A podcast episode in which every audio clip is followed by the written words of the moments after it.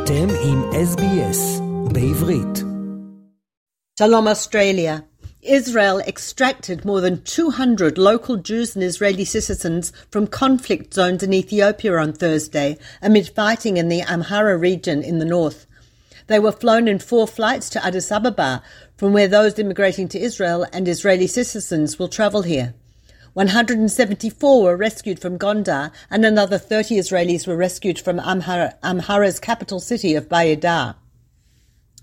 After a report that the US and Saudi officials have agreed on the broad terms of a potential Israel Saudi deal, Israel now admits that there's been no tangible progress on normalization. The Wall Street Journal on Wednesday said that Saudi Crown Prince Mohammed bin Salman told aides that he's not ready to fully formalize ties with the current hardline government in Israel and is not eager to reach an agreement akin to the one signed with the United Arab Emirates in 2020. Opposition leader Yair Lapid met with UAE Foreign Minister Abdullah bin Zayed for three hours in Italy on Tuesday. The two discussed bilateral ties and advancing joint projects. As Foreign Minister, Lapid visited Abu Dhabi in June 2021 to officially inaugurate, Israel's embassy in the UAE and the first official visit by an Israeli minister to the Gulf state. No senior Emirati officials have been in Israel since Prime Minister Benjamin Netanyahu's government came to power. Netanyahu was due to visit the UAE shortly after returning to office as his first state visit, but the trip was cancelled after National Security Minister Itamar Ben Gvir's visit to the Temple Mount in Jerusalem, which Abu Dhabi denounced as a storming of Al Aqsa Mosque courtyard. Finance Minister Bezalel Smotrich announced on Monday the freeze of a five-year, 2.5 billion shekel plan for the development of East Jerusalem, saying that a preparatory program, Mechina, for Arab students at the Hebrew University of Jerusalem supports Islamic radicalism.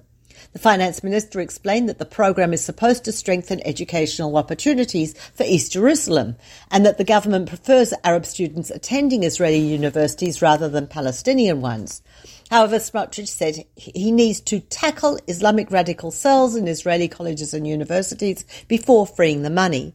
Smotrich claimed that such alleged cells make the lives of Jewish students unbearable. Cabinet ministers on Tuesday joined a chorus of verses of voices condemning Smotrich for refusing to release this money and a further 200 million shekel for economic development in Arab municipalities. Social Equality Minister Amichai Shikli said there's no justification or logic in denying balancing grants that the authorities relied on in their annual budgets. Right-wing Likud lawmaker Tali Gottlieb told the media that it's unacceptable to harm citizens regardless of who they are and paralyze their daily lives, saying, I will remind you that it's our duty to act in the interests of all citizens. Machane Mamlachti party leader Benny Gantz on Monday said Smotrich's decision not to transfer the money to the Arab municipalities smacks of racism. Officials in the finance ministry have expressed their dismay at the decision, with one noting there's little oversight over the huge sums of money transferred to ultra-Orthodox municipalities. A military court on Thursday ordered the release of, of, four Palestinians, all members of one family, suspected of involvement in a clash between local residents and settlers in the village of Burqa the previous Friday. A fifth suspect had been released previously. The judge ruled that there was no reasonable suspicion against the group and said investigations could continue while they were free. During the clash, which took place on the lands of the village of Burqa and not on its outskirts as previously claimed, 19-year-old Kusai Jamal Matan was shot dead, allegedly by settler Yechiel Endor, who was arrested a day later. On Wednesday, a Jerusalem court accepted a police appeal against the release of Endor, who is hospitalized under police guard, but Judge Tamar Bar Asher approved the release of Elisha Yered, another Israeli suspect who was arrested on suspicion of being involved and obstructing the police investigation, to house arrest over the objections of the military and the Shin Bet.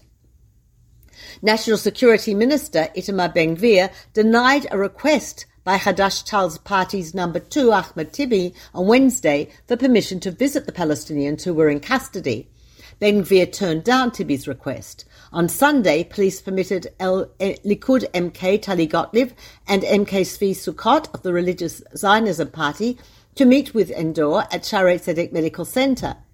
Ben Gvir denied that he gave them permission. Following their visit, Tibi sent a letter to the Israeli Police Commissioner, Kobi Shabtai, asking for access to the Palestinians and pointing out that on the face of it, in the current Knesset, there's a rank two, there are two ranks of MKs, Jews and Arabs. Ben Gvir had previously said Endor should be given a medal for shooting 19-year-old Qusay Jamal. Protests continue around the country against the government's judicial overhaul, with protesters gathering in their hundreds of thousands on Saturday night. During the week, protesters briefly blocked roads in Tel Aviv. After a two-day standoff, police on Tuesday allowed about 200 anti-government protesters to march into the Golan Heights community of Neve Ativ and gathered near the hotel where Prime Minister Benjamin Netanyahu was staying.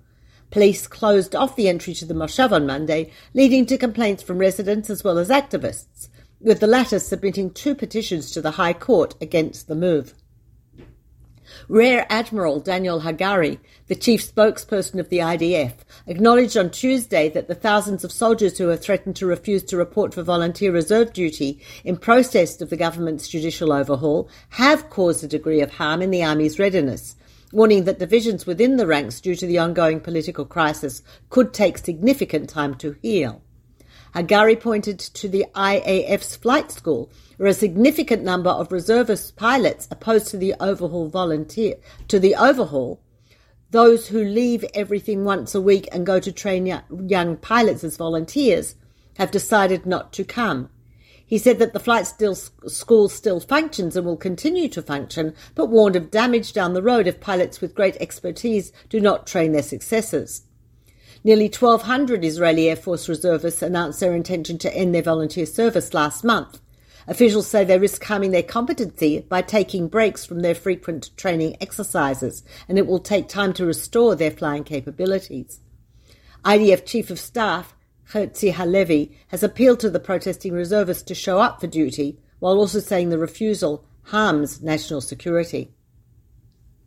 1,000 people gathered at Habima Square in Tel Aviv last Sunday to protest the police response to soaring violent crime in Arab communities. At the front of the march, demonstrators carried 140 coffins, marking the number of those killed in homicides since the start of 2023. Attorney General Gali Baharav Miara on Thursday vetoed the Environmental Protection Ministry's plan for sex segregated swimming at two natural springs. Environment Protection Minister Idit Silman's plan was to add after-hours time slots at Einot Tzukim and Ein Hanina, Hania near Jerusalem for religious Jewish and Muslim visitors who won't swim with members of the opposite sex. President Yitzhak Herzog visited Haifa's Stella Maris Monastery on Wednesday to meet with Christian leaders. Herzog said in recent months we've witnessed extremely serious phenomena in the treatment of members of the Christian community in the Holy Land, our brothers and sisters, Christian citizens, who feel attacked in their places of prayer and their cemeteries on the street. It is entirely unacceptable in every way. We must uproot this phenomenon from its roots. Seated next to the President, Police Commissioner Kobi Shabtai said that the police are undertaking creative operations to eradicate all these small phenomena these phenomena that affect how everyone feels. We are here to give you a feeling of security. Greek Orthodox Patriarch Theophilus III said the Christian communities promote the values of mutual respect and freedom of worship. Speaking in Hebrew, Latin Archbishop Pierbattista Pizzaballa thanked the police for taking action and the President for prioritizing the safety of Christian communities. He said we have to work together to encourage dialogue between us, solidarity between us, and brotherhood between us. This is Peta Jones Pellach reporting for SBS Radio. עקבו אחרינו והפיצו אותנו דרך דף הפייסבוק שלנו.